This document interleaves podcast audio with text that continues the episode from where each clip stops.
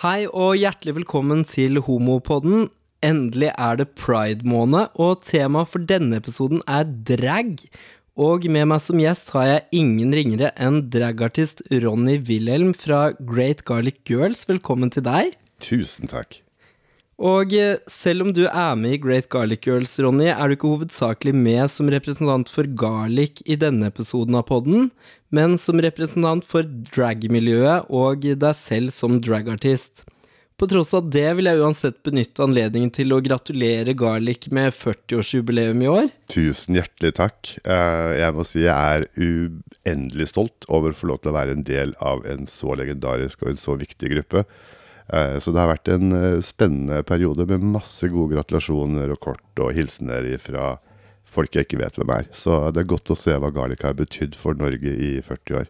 Det er jo kjempeimponerende. ja, veldig rørende. Det er jo, for du begynte jo da du var seks år selv. Eh, ja, jeg begynte vel ikke som dragartist da jeg var seks år, men, men jeg startet med, med skuespill som, som barn. Eh, og har jo alltid jobbet på en scene. Så Ja. nå under pandemien så er det lengste oppholdet jeg har hatt fra en scene.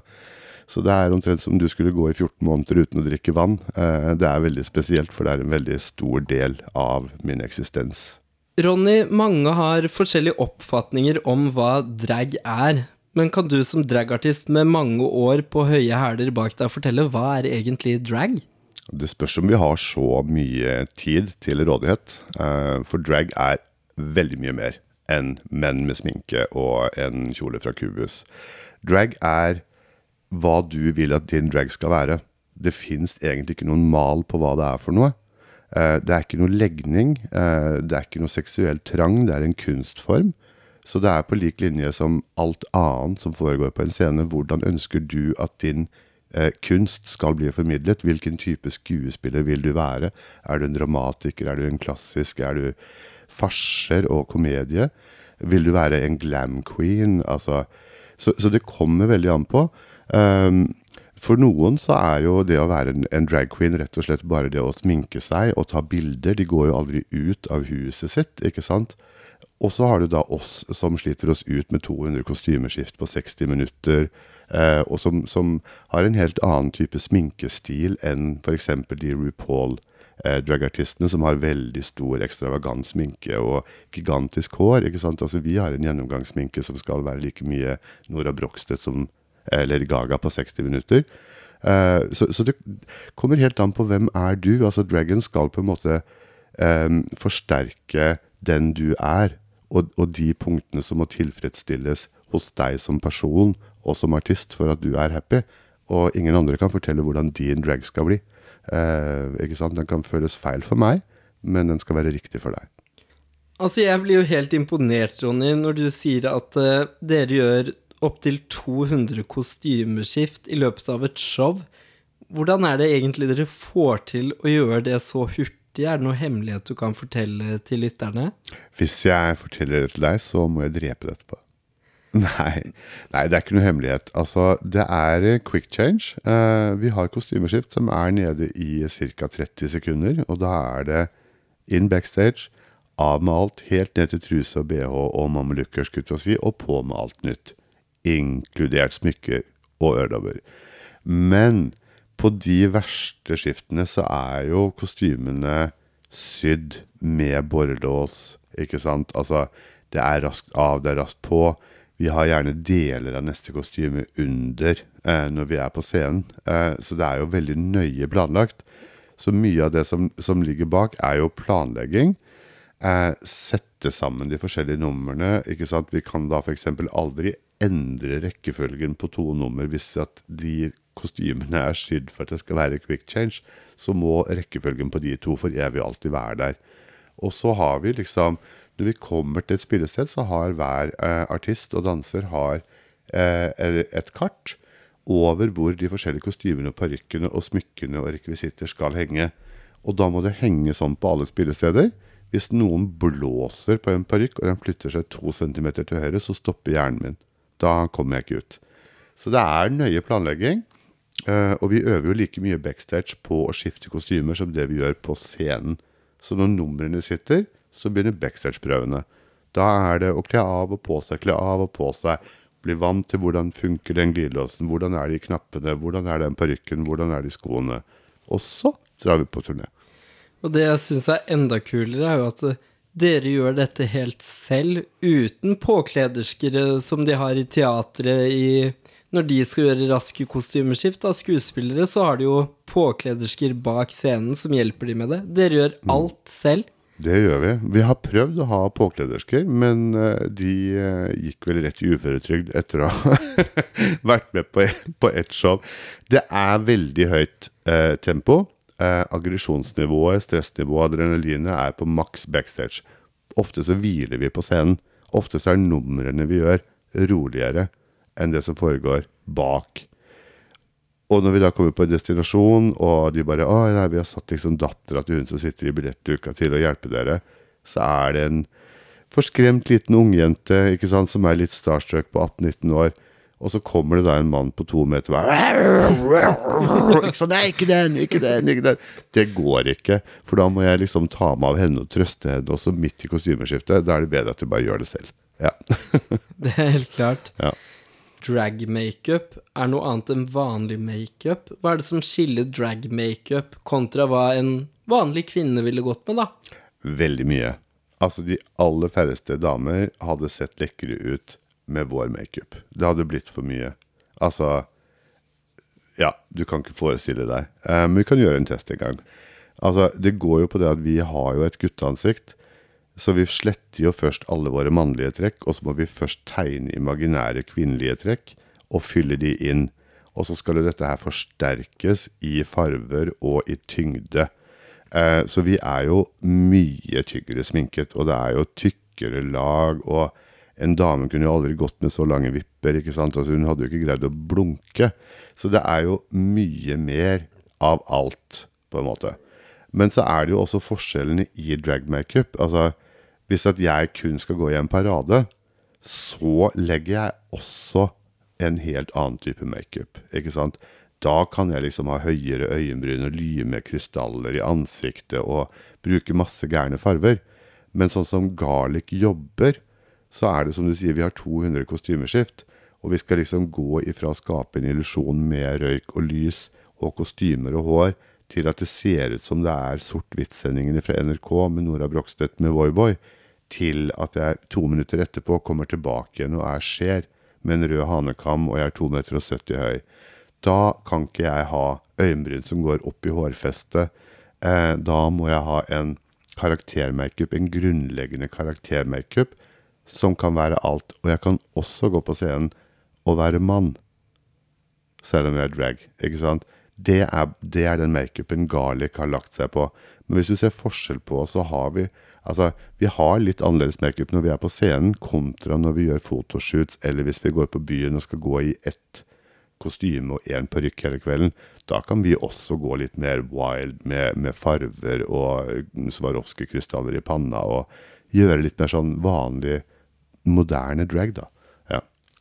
Men er det noe som skiller eh, den sminken dere bruker, kontra vanlig sminke? Eh, Ja, eh, det er jo mengden, da. Eh, altså, en, en vanlig dame i gata, skulle jeg si, hun kjøper på hele sitt liv det vi bruker på et halvt år, tenker jeg.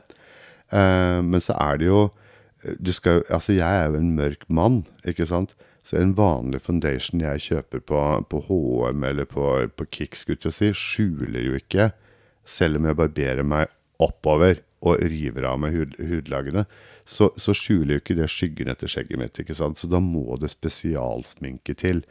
Eh, så jeg kjøper alt av foundation, og disse tingene kjøper jeg på Visage, eh, ikke sant? Som er teatermakeup, som skjuler, det er tykt. Det er en grunn til at eh, den, eh, den eh, Hva skal jeg si Det er jo ikke en eh, foundation, egentlig, det vi bruker. Det er jo en stift, en dekkstift. Og den blir liksom på slang blant oss kalt for pancake. Og det sier litt om tyngden på den og tykkelsen. Det er som du får kasta ei pannekake i trynet og sletter ut alt som er der av porer og rynker. Jeg er så ung jeg i trynet når jeg har lagt på pancaken og pudderet før jeg begynner å sminke meg. Jeg har ikke en rynke. Det sier, det sier også ganske mye om hvor tykt det er. Og så er det kraftigere strek, det er større øyenbryn, høyere øyenbryn. Gjøre da et manneansikt så kvinnelig som mulig. Alt er jo en illusjon, ikke sant? Um, ja. Så egentlig er dere eh, tryllekunstnere i kjole som fremfører en kunstform. Du kan en si det sånn, salig ja. blanding Du kan si det sånn. Jeg er en hybrid mellom David Copperfield og Diana Ross. Nemlig. Mm.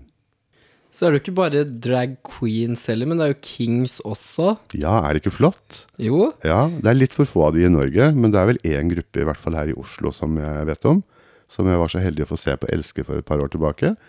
Var litt annerledes, selv for meg, som har sett eh, veldig mye drag opp gjennom årene. Men det var utrolig fascinerende. Det, det var det. De var kjempeflinke. Men mange tenker automatisk at det kun er homofile og lesbiske som driver med drag.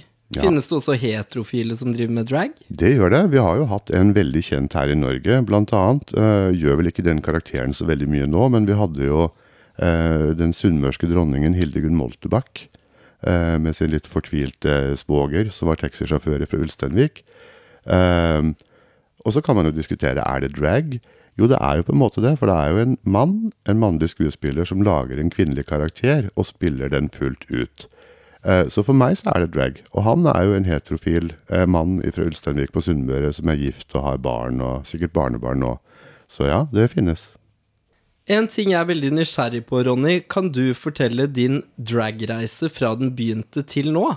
Det kan jeg godt gjøre. Ehm, jeg visste ikke, altså før jeg ble ganske stor, egentlig at jeg ville jobbe med dette.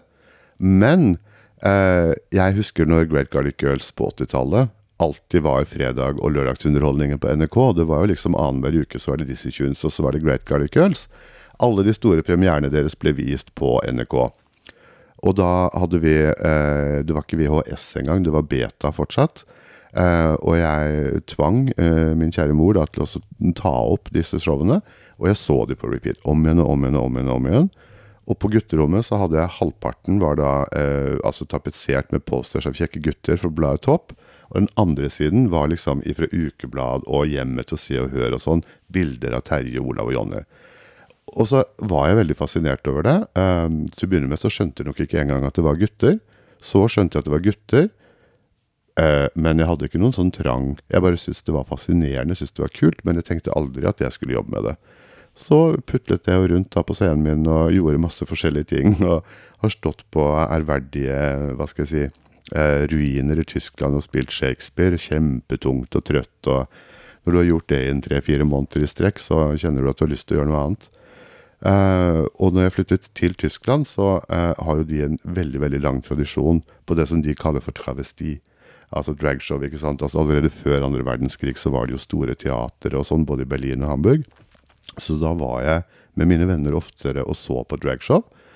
Eh, og så bare falt tilfeldighetene på plass, eh, og plutselig en dag så sitter jeg i en teatergarderobe ferdig sminket, og den første tanken min er 'Mamma, hva gjør du her?' Eh, og det var litt sånn skremmende, for jeg var helt lik mamma.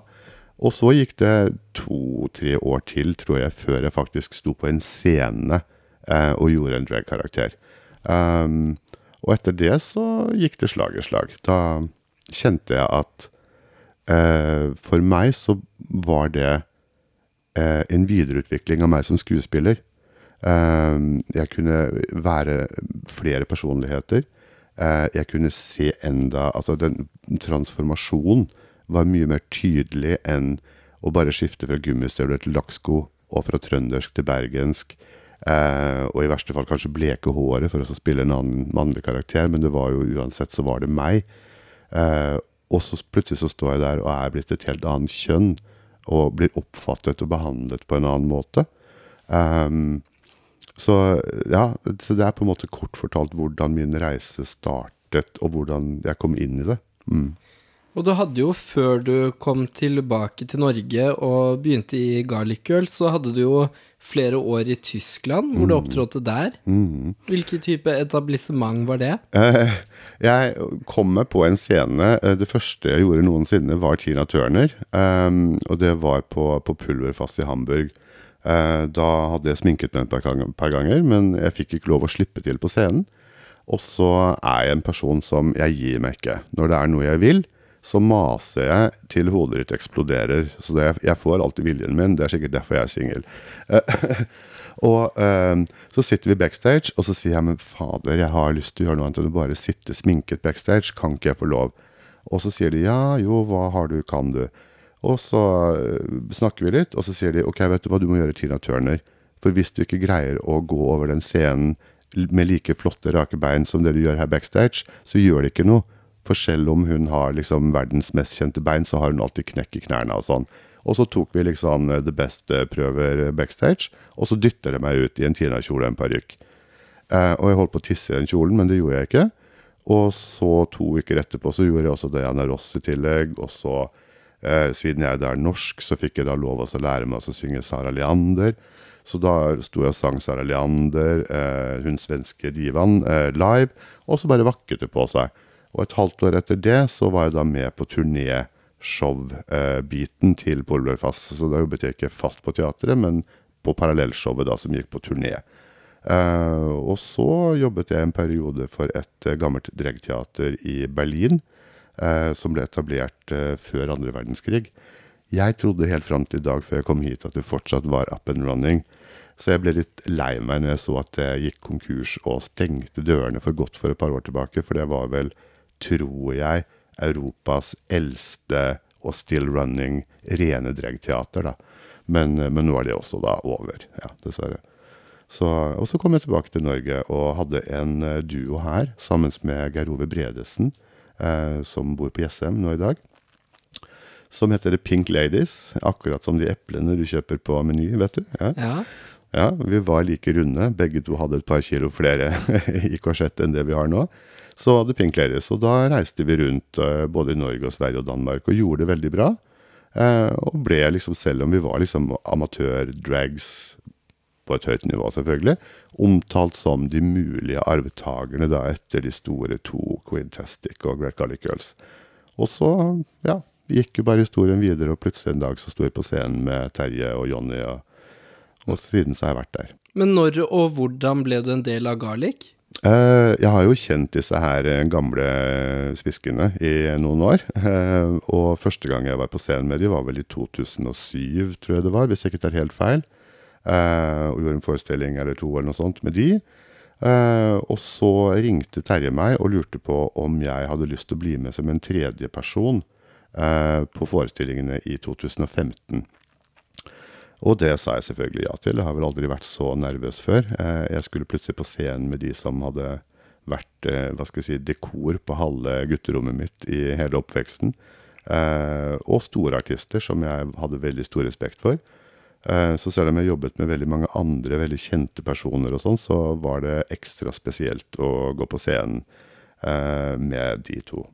Jeg husker første forestillingen var på City Scene i Fredrikstad. Uh, og da var jeg altså så nervøs at jeg Jonny kom opp til meg. Jeg hadde gar garasjer.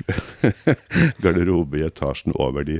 Og da kom han opp ti minutter før forestillingen, så setter han seg ned og tar med hånda og sier han, 'Lille venn, dette går så fint.'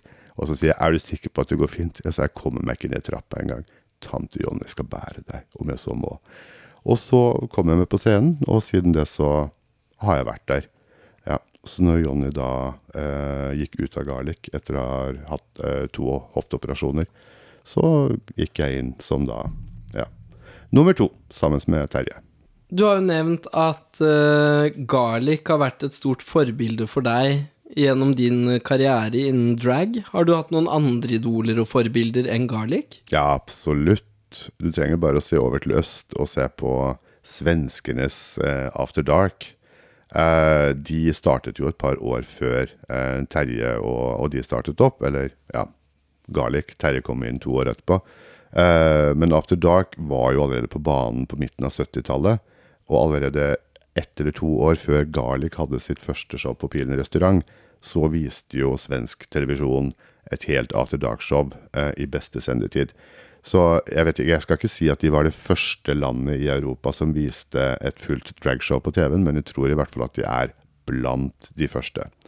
Uh, og After Dark var jo også en rollemodell for Great Garlic Girls, når de startet, når Simen Morten og Olav startet Garlic, så var det jo mot Stockholm og Store After Dark, som da allerede spilte for fulle hus overalt. Eh, de, de, kikket og, og, kopierte litt i oppbygging av show og sånn. Eh, det var nok sikkert derfor også en del av hva skal jeg si, årene så var det, var det ganske likt måten de spilte på. da. Eh, så det var store forbilder for meg. Uh, og så hadde vi jo Jeg er jo såpass gammel at jeg fikk jo lov å oppleve legendariske Divine, uh, Walk Like a Man og alle de her litt sånn groteske, hva skal jeg si, dark room disco-låtene fra 80-tallet. Uh, eh, og så spilte han jo Edna Turnblade i originalversjonen av Hairspray sammen med Ricky Lake. spilte han jo, ikke sant? Det er han som er den som John Travolta har i ny versjon. Uh, og selvfølgelig RuPaul, når RuPaul da kom på 80-tallet med alle de her litt sånn utenomjordiske, merkelige diskolåtene som fenga egentlig hele verden. Eh, og folk var litt sånn nesten som The Grace Johns, hvor vi tenkte at hva er dette for noe? Men vi hørte på det. Sånn var også RuPaul. Så ja, det var vel de som var på en måte mine, mine store dragstjerner. Ja, og det med RuPaul er veldig interessant informasjon, mm. fordi at uh mange der ute tror at RuPaul bare er RuPauls Drag Race som er i dag, men han har holdt på lenger enn det. Han har jo holdt på, han begynte jo tidlig på 80-tallet, eh, ikke sant. Og han har jo spilt inn altså lenge før dette her, så har han jo altså spilt i store Hollywood-filmer, TV-serier, vært på turné, eh, gitt ut masse låter som har liksom klatret på hitlistene både i USA og i Europa og i Asia i mange, mange, mange, mange år. Og han har jo også spilt inn eh, altså med The Weather Girls, It's Raining Men, det er jo kjempelenge siden, en ny versjon.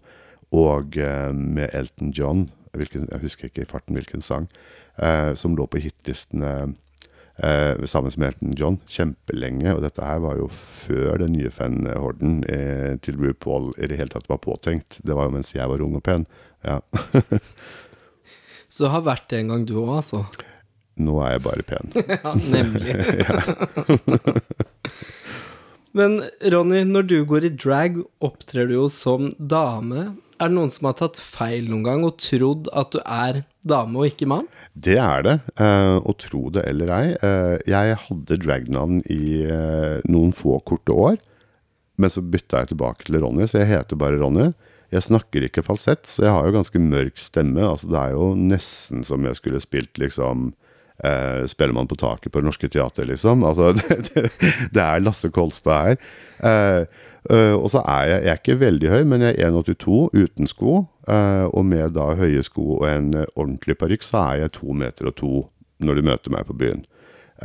Men så er det et eller annet Jeg tror når vi kommer med korte skjørter, de lekreste beina, de høyeste skoene, det største hår og den tyngste makeupen, så treffer treffer vi en god del eh, menn, heterofile menn, eh, som har en sånn, hva skal jeg si, preferanse mot eh, både transseksuelle, selvfølgelig, men også pornoskuespillere som er tungt sminket og sånn. Og fruen går jo aldri sånn som det vi gjør. Så selv om jeg sitter og sier ordet til de, jeg, du vet hva jeg har, du vet hvilken surprise jeg har, så hører dere ikke. De altså, spanderer drinker, og det er hakket før vi skal på altså, yachtferie i Karibia neste uke. Altså, det er helt, helt insane. Uh, så ja, uh, de blir veldig blendet av det. Det blir de. Mm. Har du blitt med noen av de hjem, da? Ja, jeg har det. Men uh, jeg skal innrømme at for meg så er drag en kunstform og en, en jobb. og så er det sånn at jeg kler av meg for sex, og ikke på meg. Så det er nok en del som blir skuffet.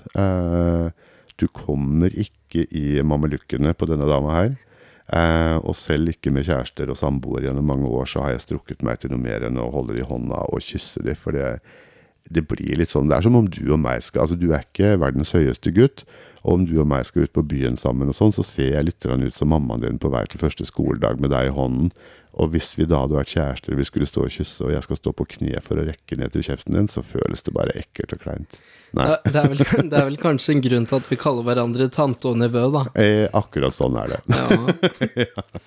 Men over fra moro til noe litt mer alvorlig. Mm. Eh, vi diskuterte jo i sted, Ronny, at vi ble ganske opp opprørt over at vi for et par dager siden i VG leste om 20 år gamle Marius Natland, som legger ut drag-videoer på TikTok. Han opplever masse hat for å drive med drag, og får kommentarer som at han er ekkel homse, at han er stygg, at han bør henge seg selv. Slik er det jo dessverre nå i 2021. Har du møtt på noe hets og hat opp igjennom? Jeg har det, men samtidig så eh, er jeg nok akkurat så gammel at den hetsen vi opplevde, var mer en gang iblant, altså nesten hvert fjerde skuddår, i altså form av et eh, slag, og så var vi ferdig med det. Det var ikke den konstante terroren i alle sosiale plattformer eh, som det de står i nå.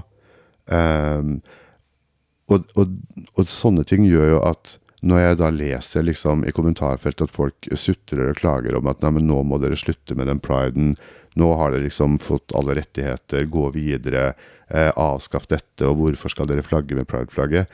Det er faktisk viktigere nå enn for 50 år siden, eh, når, når altså Stonewall-opptøyene oppsto det, det, er eskalerende. Det er et gryende homohat og eh, fordommer eh, mot trans og, og, og homser og, og, i det hele tatt.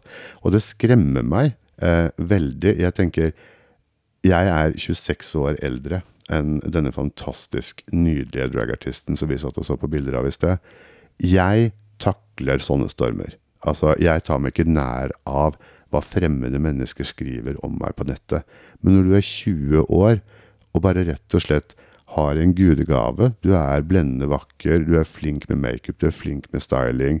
Du har for mye fashion-sans til å bare være mann. Altså, du tar det også ut i da kunstformen drag. Og så skal du da logge deg på sosiale plattformer og få drapstrusler og beskjed om å gå og drepe deg, de stygge fitte. Eh, for øvrig også skrevet med eh, skrivefeil. Og det er jo egentlig ganske alarmerende. Les i alle kommentarfelt. Ingen av nettrollene kan norsk. Altså, det er et eller annet som ikke stemmer med disse. Eh, jeg er glad for at vi lever i dag, men samtidig så tenker jeg at det som har skjedd nå, er at galskapen som satt ellers i Grukkedalen alene og snakket med katten sin, og hadde fordommer og, og hat, de har nå en mulighet til å nå ut til hele verden og spre eder og galle og rekruttere og forme andre med sine skadelige holdninger. Det må stoppes. Uh, og nå har det jo nettopp vært i media pga. Lan Marie at politiet kommer til å gå inn og bevokte kommentarfelt. Da må de også gjøre det når det kommer til altså, uh, hets og sjikane pga. religion eller legning. For det er altså Vi står, ikke jeg heldigvis, men denne nydelige gutten her, står i mye mer sjikane sammenlagt enn det Lan Marie gjør, altså. Eh, og som er mer skadelig. Lan Marie får hets fordi at hun eh, representerer et parti som er annerledes, og pga. politikken. Han får hets fordi han har en legning og en kunstform. Altså, jeg bare Uh, ja, nei, jeg blir helt, jeg blir helt målløs. Jeg bare, Stå på, gutten min. Du ser helt nydelig ut. Det er det eneste jeg har å si til han.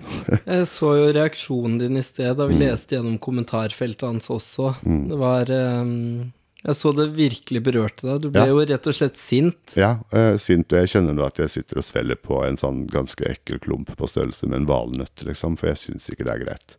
Jeg, jeg blir bekymra, rett og slett, og så tenker jeg det er nå i 2021.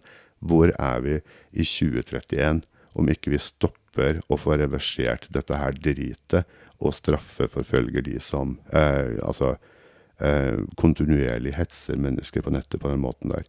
Det, og det gjelder ikke bare dragartister, det gjelder alt. altså Alt ifra bloggere, rosabloggere, Sofie Elise, Lan Marie og i det hele tatt.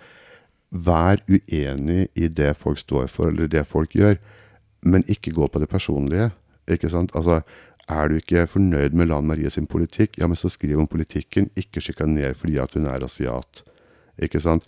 Det, det er Og så kan man tenk litt sånn selv. Det er ikke så kult å åpne Facebook og bli bedt om å hoppe ut av vinduet. Tenk litt på hvordan vi selv vil ha det. Ikke sant? Det er ingen av oss som har lyst til å øh, være redd våre egne sosiale plattformer fordi det bare får oss faktisk til å få lyst til å hoppe. Ikke sant? Det er jo det som skjer. Um, og så kan man tenke på at veldig mange homofile eh, er jo også mennesker som har stått i en god del uheldige kamper før, som kanskje gjør det nå med familie og med venner, og som har blitt veldig hardt mobbet. Og da å oppleve at de da skal stå i en sånn type hets som aldri gir seg på nettet, kan jo faktisk være det som gjør at den unge, nydelige personen hopper ifra femte etasje. Ikke sant? Og da er man faktisk delaktig i et drap. Nå kan jo folk også lage anonyme brukere, og de skjuler seg bak det, for de tør ikke bruke sitt eget navn, selvfølgelig, når de kommer med sånne kommentarer. Og det er jo noe av det negative med sosiale medier.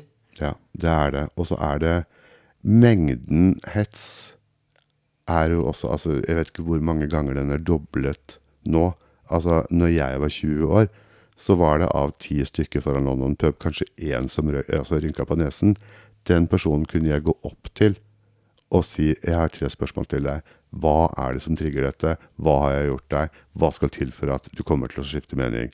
Det greier man ikke å gjøre når man logger seg på sosiale plattformer, og det er 3000 kommentarer på Insta, på TikTok og på Facebook. Vet du meg hva?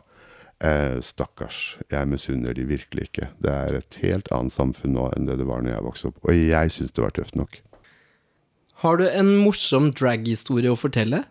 Ja, gud. Vet du, jeg skal gi, gi ut et sånt 15-bind samleverk over mine beste, morsomste historier eh, neste år. Men eh, den som kom eh, sånn helt umiddelbart opp i hodet mitt, den er fra den perioden hvor jeg bodde i Tyskland. Eh, og hadde egentlig opprinnelig ikke noen ting med drag å gjøre, for da skulle jeg ha fri fra dragen. Jeg skulle nemlig til Amsterdam på heisatur med noen kompiser. Og så eh, skranter vi sammen litt eh, penger fra her og der, og drar da over. Og jeg elska Amsterdam. Jeg elska severdigheter, kanalene og eh, hollandske menn, skulle jeg si. Så jeg gikk veldig inn i dette med kropp og sjel, og forsvant vel da på en fest som aldri slutta. Og plutselig så hadde jeg på en måte glemt at jeg skulle reise hjem igjen. Um, og de kompisene mine, de fant meg jo ikke. Så de hadde jo bare måttet reise og sette kofferten min da på direktørens kontor eh, på det hotellet hvor vi hadde bodd. Så når jeg da omsider da egentlig da stakk hodet ut et vindu og skjønte at nei, nå hadde vi gått fra i hvert fall torsdag til tirsdag, um, så uh, startet da først den store kampen med å finne riktig hotell, uh, i håp om at kompisene mine var der. Uh, jeg fant riktig hotell etter et par timer. Ble møtt av en direktør med litt sånn bekymringsrynke i panna og litt sånn sint. 'Der er du'. Så jeg, her er jeg. Og så fikk jeg en koffert og beskjed om at vennene mine hadde reist. Så da står jeg altså da i Amsterdam, kjenner da egentlig ingen. Hadde nettopp glemt hvilket nachspiel jeg hadde vært på. Eh, så jeg kunne ikke gå tilbake dit heller, og hadde ingen penger. Så tenker jeg neimen i all verdens dager. Um, så da eh, gikk jeg tilbake på en av de homoklubbene jeg hadde vært da i løpet av oppholdet, og spurte om jeg kunne få jobb. Eh, og det kunne jeg ikke, for jeg snakker ikke hollandsk. Jeg sier men faen, eh, må man kunne snakke hollandsk for å jobbe her, da? Eh, homser snakker jo et internasjonalt språk, sier jeg. Men så kommer jeg på så sier jeg hallo, eh, trenger dere en showartist? De bare ja, jo, ja, greier. Så fikk jeg lånt noen gamle kjoler og noen fjær og noen parykker og noen sko i det hele tatt, og så dro jeg noen, noen nummer da, et par kvelder da der nede, til jeg hadde nok penger til en togbillett hjem igjen til Tyskland. Så Draggen har hjulpet meg på så mange måter her i livet. det er godt å høre. Ja, jeg kommer trygt hjem. Fikk bare skriftlig advarsel fra arbeidsgiveren i Tyskland fordi jeg ikke hadde vært på jobb i to dager. Men det, det gikk bra. Hvis det er noen unge der ute i dag som føler at jeg har lyst til å begynne med drag og satse på drag, hva er dine beste tips til de da? Å oh, gud, just do it. La oss starte der. Uh, jeg, for meg så er det musikk i mine ører. Uh, for jeg var litt bekymret i en periode over at drag var en utdøende kunstform, spesielt her i Norge. For det var liksom ikke noe stor rekruttering. Det var et enormt stort sprang mellom de proffe og de som kledde seg ut én gang i skuddåret under pride uh, for å gå ut på byen. Men nå har det eksplodert. mye er jo takket være RuPaul Drag Race. alle de her YouTube-tutorials hvor folk sitter og sminker seg og jeg bare fryder meg hver gang jeg ser en ny på TikTok eller sosiale medier som sitter og sminker seg, og som legger ut videoer hvor de lipsynker og gjør det virkelig bra. Fortsett med det. Stå i det. Altså, du er unik, uh, og finn din drag. Finn din indre drag. Altså, hvilke punkter av deg som person må tilfredsstilles. La dragen hjelpe deg. Um, og jeg kjenner også litt sånn Jeg tenker tilbake til hvordan jeg var. Jeg var nok ganske sårbar. Uh, vokste opp på et lite sted, ble mobbet fordi jeg ikke spilte fotball eller ville ha traktorlappen. Og teatret hjalp meg den gangen. Og så ble det senere drag. Så jeg tenker hvis at man står i en sånn situasjon, og man finner sin knagg her i livet, og hvis at din knagg her i livet er å sminke deg og skinne som en stjerne, vet du hva, gjør det. Og gjør det enda mer neste uke enn det du gjorde nå denne uken. Kom deg ut, prøv det på en scene. Allier deg med noen erfarne. Det er også et tips at du skaffer deg en god gammeldags eh, dragmama. En som har gått løypa før. En som kan gi deg tips, råd, låne deg litt eh, tant og fjas og noen sko. og det er en god ting. Jeg hadde en dragmamma, og de aller fleste jeg kjenner, har også hatt en. Og jeg er så glad at jeg har mine egne dragbarn, jeg også. Ja. ja, for du er jo en profilert artist gjennom å være medlem i eh, Norges mest kjente draggruppe. Så hvordan er det for deg hvis um, nye spirer skriver til deg? Får de svar da? Selvfølgelig. De får svar mye raskere enn de som bare spør meg om alt mulig rart. Om vi har et eh, eh showprogram fra 1990 til overs. Altså, de får svar i etterkant. Altså, kommer det en dragspire og forteller at 'hei, jeg er en gutt på 19 og sitter og sminker meg', du får svar umiddelbart. Jeg blir så glad. Ja. Godt å vite. Da vet man det at man kan skrive ei melding til tante Ronny, så svarer hun Det kan man. Veldig, veldig raskt. Du har holdt på nå, Ronny, med drag i 29 år. Tenk deg, neste år er det 30-årsjubileum for deg. Da tenker jeg at denne podkastsendingen er ferdig, for nå går jeg hjem. Nå ble jeg ordentlig lei meg. Jeg eh, trodde hele tiden at det var snakk om kanskje 15 år. Er det så, er det så mye som 29, du? Ja, det har ja. blitt 29 år på deg, ifølge kildene jeg har, i hvert fall. Ja. Så hvor lenge har du planer om å holde på med drag? Nei, jeg tenker vi går for en 80-90 år til, jeg. Tror du ikke det? Jeg jo. tenker at så lenge det er Jeg sier som Wenche Myhre, så lenge det går blod gjennom uh, vårs Skulle jeg si, det sier vel ikke hun, og ikke jeg heller. Nå vet jeg ikke hvor det kom fra. jeg vet ikke, jeg er jo man kom inn fra høyre her og ga meg et tegn. Uh, men så lenge det går blod gjennom oss, og så lenge det er puls her, og så lenge jeg ikke skremmer flere enn det jeg sjarmerer folk når jeg står på en scene, så har jeg lyst til å fortsette, fordi det gir meg så utrolig mye. Og jeg har kjent på det nå det året her med pandemi, og hvor det ikke har vært mulig for oss å turnere og gjøre enkeltshow, for det gjør vi også. Uh, så savner jeg den, den, biten. Ikke bare det økonomiske, men jeg savner den biten å kunne gå og legge meg og vite at jeg har fått tilfredsstilt alle mine behov. Jeg har fått lov til å flykte litt ifra å være Ronny. For sånn er det jo. altså Alle mennesker har jo sin bagasje, og livet er veldig sammensatt. og en kunstform, altså en skuespiller generelt, bruker veldig ofte kunsten til å flykte litt fra hverdagslige problemer.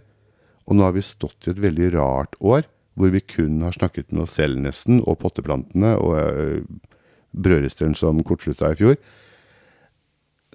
Så nå kjenner jeg vel Nå må det komme i gang, for nå må jeg øh, please Ronny litt. Nå må Ronny få lov til å, å settes eh, på hold i backstage Eh, og så kan jeg få lov til å være en annen. Så nå må det skje noe, kjenner jeg. Men du pleaser jo ikke bare deg selv, for det er jo som du har sagt til meg flere ganger det må jo sies, det er ikke nevnt før, da, men vi er jo venner privat og ja. ja det er vel men det er eh, som du har sagt til meg eh, sånn på privaten, mm. så er det at det som gir deg mest glede i dag, er jo ikke bare det å stå på en scene selv, men det er jo også å hjelpe de unge, nye talentene frem. Ja, det er det. Og jeg tenker at uansett hvilken bransje det er snakk om, så skal jeg ta vare på de som kommer og spør meg. Eh, jeg skal ikke se på det som mas. Det er neste generasjon, ikke sant? Eh, og det er som Terje Skrøder, også min kollega, har sagt, at herregud, vet du hva, kanskje navnet kan leve videre. Selv når både de opprinnelige og neste generasjon Scarlick på en måte har slitt, gitt seg, sånn som meg, så kanskje navnet fortsetter å turnere rundt i Norge med de unge, håpefulle, fantastiske guttene vi ser nå, som sitter og sminker seg og har lyst til å bli drag queens. Et brand. Garlic er et brand. Det er ikke menneskene. I dag er det vi. For noen år tilbake så var det Terje og et par andre Hvem som er Great Garlic Girls om 40 år, det vet jeg ikke, men jeg håper at Great Garlic Girls-brandet er like i vinden, men med nye, fantastiske mennesker. Og hvis jeg kan hjelpe dem på veien ja, selvfølgelig.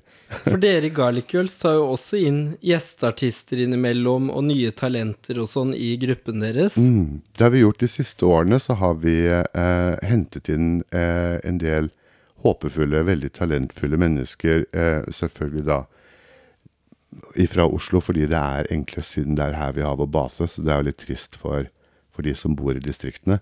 Men spesielt på juleturneen så har vi valgt å hente inn da folk som har utmerket seg, og som er ildsjeler eh, i eh, homomiljøet, og som har lyst til å, å, komme seg opp og frem i drag. Og har gitt de da noen egne eh, numre i juleshowet vårt, og noen fellesnummer sammen med oss. Og så har de fått lov til å turnere med oss. Og vi hadde jo også en fantastisk fin dragartist med oss, eh, Andreas Brenno, eh, på turné i Sveits. Så han var vel en av de eh, som på en måte fikk lov til å gjøre mest eh, i den perioden med det at vi da dro utenlands, eh, og leverte superbra. Vi har også hatt med oss eh, Bertina Glamcroft, Eh, som jo har blitt en, en superstjerne eh, ikke sant? blant alle de dragspillerne pga. at hun holder på med Eurovision Lip Sync Contest og alt dette med Contessie von Lyderitz. Og, hun har også vært med oss på en juleturné og gjorde fantastiske karakterer, og vi hadde det så gøy sammen. Og det er jo helt fantastisk å se hvordan de suger til seg kompetanse, ikke sant? og hvordan de setter pris på hvordan vi lærer de opp og viser de og tilrettelegger og tar oss tid. Eh, og ikke bare blir litt sånn dømmende Nei, men du har aldri stått på en scene før, du har kun gått i høy heller. Men vi tar de med på alle koreografiprøvene, gir oss ikke før ting sitter, og de får lov å skinne. Og vi har ikke fått én tilbakemelding på at det var én artist i showet vårt som ikke burde vært der. Det har vi ikke. Vi har bare fått thumbs up, det var supert levert. Og det sier litt om hvor flinke de har blitt i løpet av den perioden. Og jeg vil jo gi en honnør til dere òg, da som virkelig stiller opp for disse unge og tar de med? Ja, nei, men sånn er det. det vi har alle vært unge. Vi har alle vært der. Uh, vi har alle vært annerledes. Uh, og fått lov å kjenne selv i våre liv sikkerheten av å bli sett av noen innad i miljøet. Og når det kom noen som holdt på med noe som vi også brant for, så blir man jo litt sånn starstruck. Altså, første gang jeg møtte de her Garlic-jentene, så sto jeg egentlig bare og dirret som et aspeløv og greide nesten ikke å snakke. Det var som å stå foran Madonna eller Lady Gaga. Det var helt sykt. Men når de da så meg og ble kjent med meg og satte seg inn i hva jeg holdt på med, og hva jeg ville, og i det hele tatt, og senere tok meg inn i sine show, det er jo ganske fint, da. Helt til slutt, Ronny, er det noe du føler for å si før vi avslutter? Veldig mye, men jeg har mest lyst til å gå tilbake til det vi snakket om i sted, når det kommer til homohets og hets fordi man eh, er dragartist og sitter hjemme og sminker seg. Um, jeg blir redd, eh, jeg blir bekymret når jeg eh, sjekker nyhetene etter en helg og ser at enda en ung person har blitt utsatt for hatkriminalitet på vei hjem fra byen etter å ha vært med sine venner eh, blitt slått ned, blitt sjikanert, blitt spyttet på, bare fordi man er den man er. Eh, og går man ut eh, altså den, altså av, fra Norge og ser liksom på andre land, så er det store land som har reversert eh, når det kommer til homokampen. Polen, Tyrkia. Ting har blitt vanskeligere. Det er ikke noe rettsvern lenger for homofile. Eh, jeg tror ikke Norge kommer dit. I hvert fall, jeg håper ikke. Norge kommer dit. Men når jeg ser det gryende hatet som er i kommentarfeltene, så eh, gråter jeg. Altså Voksne mann sitter noen ganger en mandag morgen og gråter når jeg ser hva mennesker blir utsatt for. Og jeg har en, kun én ting å si til de det gjelder, vet du hva. Eh, ta heller kontakt med oss andre eh, i miljøet. Fokuser på oss, fokuser på deg selv. Eh, ikke la andre mennesker fortelle at det du gjør, eller den du er, eller den du vil bli, er feil. Vi tar våre egne valg, og det er kun vi selv som kan fortelle hva som er riktig for oss, og alle mennesker har den samme retten på å bli lykkelig, på å få tilfredsstilt alle sine behov, uansett hva det er, så lenge det er hva skal jeg si, lovlig og innenfor etiske rammer. Eh, ingen skal måtte oppleve at vi må gi slipp på en stor del av vårt liv for å tilfredsstille samfunnet. Det er farlig. Eh, så flytt på det, da, hvis du bor i en bygd hvor alle hater deg. Flytt litt nærmere til et sted. Bli kjent med noen som er hyggelige online, som er i miljøet. Flytt på deg. Ta vare på deg selv. For det, dere står i en jævla tøff eh, kamp, hvis det er lov å banne. Uh, ja, Misunner dere ikke. Det var veldig gode siste ord. Tusen takk for at du stilte opp i Homopodden, Ronny. Du, det var en glede. Homopodden er tilbake førstkommende tirsdag. Da blir det Pride spesial. Og frem til da, ha det bra! Ha det bra. Takk for meg.